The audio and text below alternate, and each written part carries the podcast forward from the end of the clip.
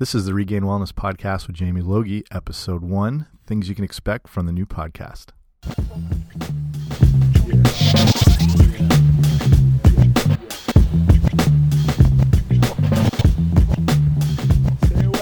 Hey guys, welcome to the podcast. My name is Jamie Logie. I run a website called regainwellness.com, which is a website devoted to providing you with the best nutrition information I can possible, as well as information on all things fitness, wellness, all types of nutrition issues, discussing diets, discussing things you need to include in your diet, discussing things you shouldn't include in your diet, and basically just to interact with you as best I can with the best information I can and hopefully arming you with the right information to make the best decisions in various aspects of your life, whether it's what should you eat when you're out for dinner, what kind of training program should you start in, should you do CrossFit, should you eat paleo. I'll try and cover all those things just to get you up to speed.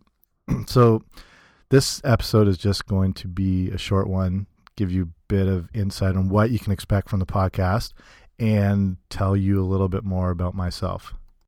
The podcast is going to follow a format. I'm going to try once a week. My goal being every Tuesday to release a new episode and devote each episode to a specific topic so you can really break down individual issues as opposed to just doing one episode and cramming in 25 different subjects and topics and not really expanding on each of those. So I'll focus more on doing an episode devoted just to, like I was saying before, maybe just the paleo diet, just to gluten, just to water, how much should you drink, just stuff like that. So you can really get in depth with um, the subject matter. If you go on my blog on regainwellness.com, it's the same approach I take to the articles I write where um, I'll focus on one subject and really get in deep on that and really expand on the one issue and just sort of cover all the bases with it. And I find that's the best way to get information on a subject is to get up to speed with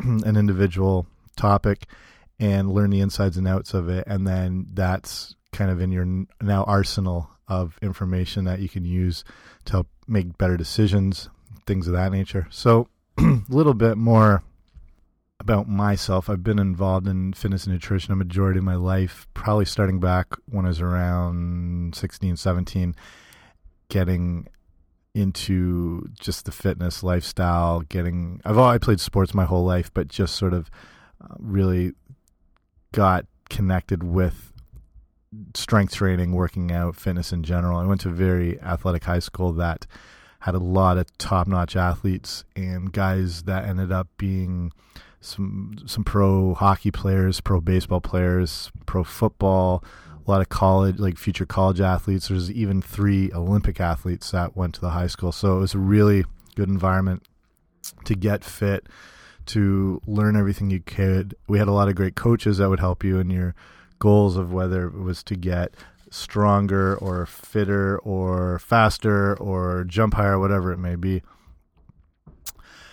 I went to university at the University of Western Ontario where I studied kinesiology, and that helped give me a good framework of future, you know, my future nutrition information, fitness information. Studying kinesiology, it's broken into a lot of different subjects like physiology, exercise physiology, biology, foods and nutrition, um, everything to do with that. So those were kind of great years to sort of shape my knowledge and ended up getting certified as a personal trainer around my third year through a company called the Sports Performance Institute based out of Ottawa here in Canada, which had a really high standard for their certification process and ended up getting hired relatively quickly out of university at a big chain club here in Canada.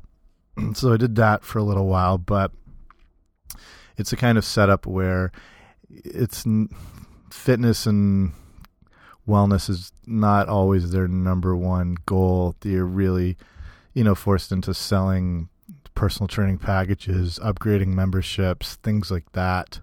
And it always seemed like the direct results of clients, individuals was really not the, the priority. The the main focus was on being able to um, resell them at the end of one program and stuff like that. And I get it; that's how these big companies work. It's how they remain successful, and it's how they uh, kind of maintain their bottom line. The I ended up going to a college in Cambridge, Ontario, to do some work in a youth counseling diploma, and I've done a lot of work with kids and youth over the years. So it was just something I wanted to, you know, kind of have in my back pocket as well. But while I was down there, I got a job at probably the best gym I've ever worked at, which was called Body Quest Fitness and run by a man named Heyman Dalatram, who is a, a old professional bodybuilder and dietitian, and really shaped the core of all my like current and would be future knowledge on nutrition, on wellness, on fitness. And it was a gym that was a multi million dollar setup gym, but it had the feel of like a small personal training studio. So this was a great environment with great other trainers, great members, great clients, and really, I don't know, stills with me to this day everything I learned there. And a lot, he had a lot of cutting edge ideas and things that are now starting to be recognized as um, mainstream and you know pushing whole foods and real whole foods and you know he wasn't as big on supplements and wanted your nutrition to come from natural sources which is now a more common way of thinking. So it was cool to see that back then. This goes back to almost 2004 i spent some time also working at another small it was a personal training, fitness kind of studio and squash and racket club. And that was another good experience because it was a smaller setting where you were able to work with a wide variety of clients and also you could really customize what you were doing because there was you had kind of free reign on what you were able to provide what you could do for packages how you could work your time with people if someone bought an hour session it wasn't always limited to just a workout. We'd sometimes just sit down, do a nutrition plan for them, or you know even taking people grocery shopping just to sort of show them how to work their way through a grocery store, how to read labels, stuff like that. So that was a good experience too, just to become a little more um, creative with your training and your ability to help people. Kind of, kind of like training on the fly. You're able to adjust and customize as was needed. so I also had the opportunity in around 2005 to go work at a youth kids summer camp in the states up in northern Connecticut, and I'd worked a lot with youth groups and summer camps here in Ontario, and was unaware of these big sports camps that existed in the states where these kids come in to train for whatever various sport it is in these huge you know multi-million dollar facility places. And i ended up getting a job as the the director of fitness down there and this is something i've done off and on for the last eight years which is a really amazing environment to be in because you're working with kids age you know 13 14 up to 18 who come and specifically are training and playing for sports such as soccer or baseball there's inline hockey there's basketball, there's swimming, there's track, absolutely everything. And they have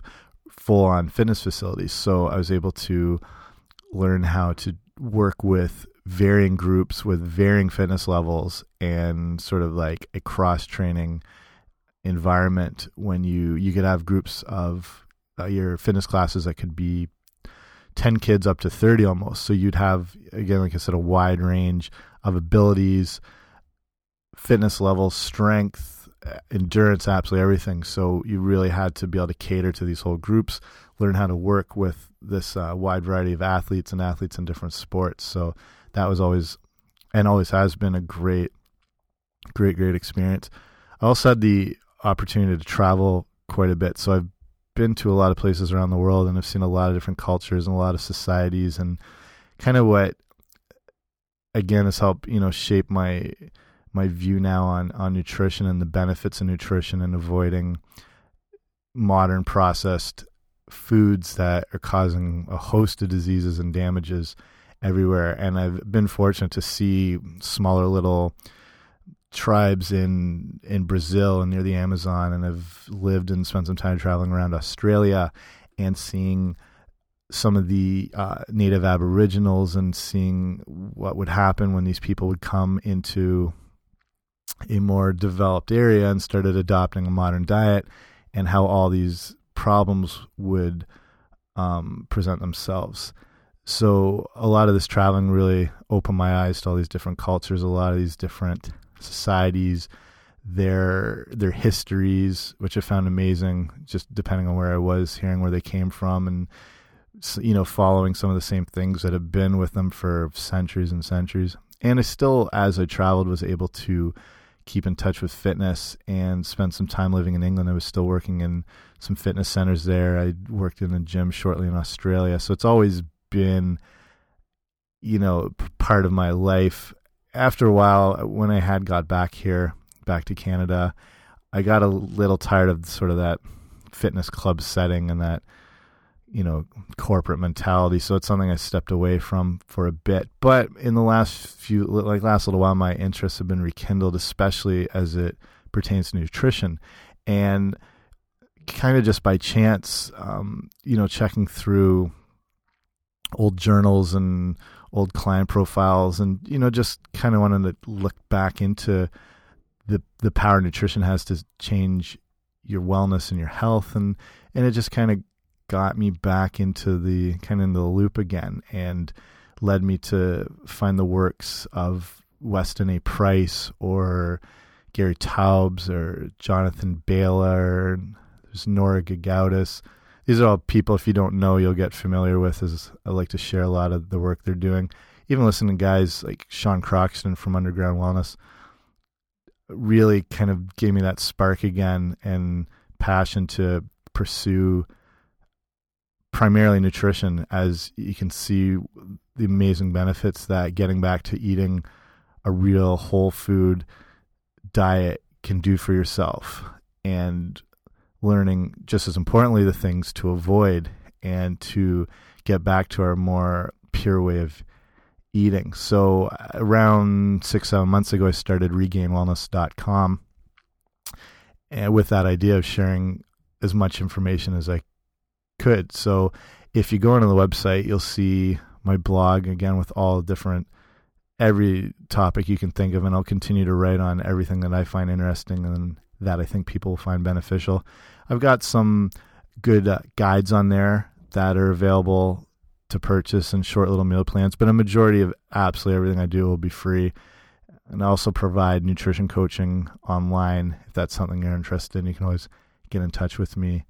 And so with this new podcast, it just seems like a really good way to share information more than ever.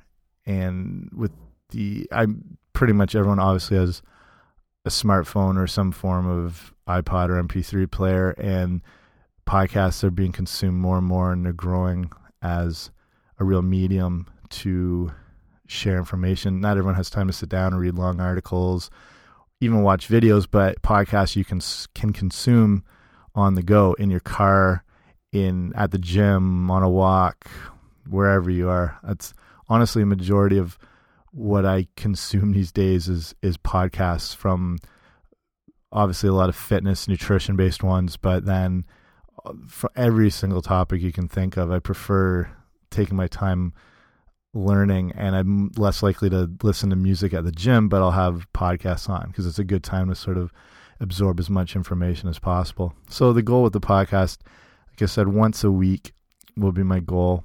Um, it can range anywhere from maybe 20 to 30 minutes, and it can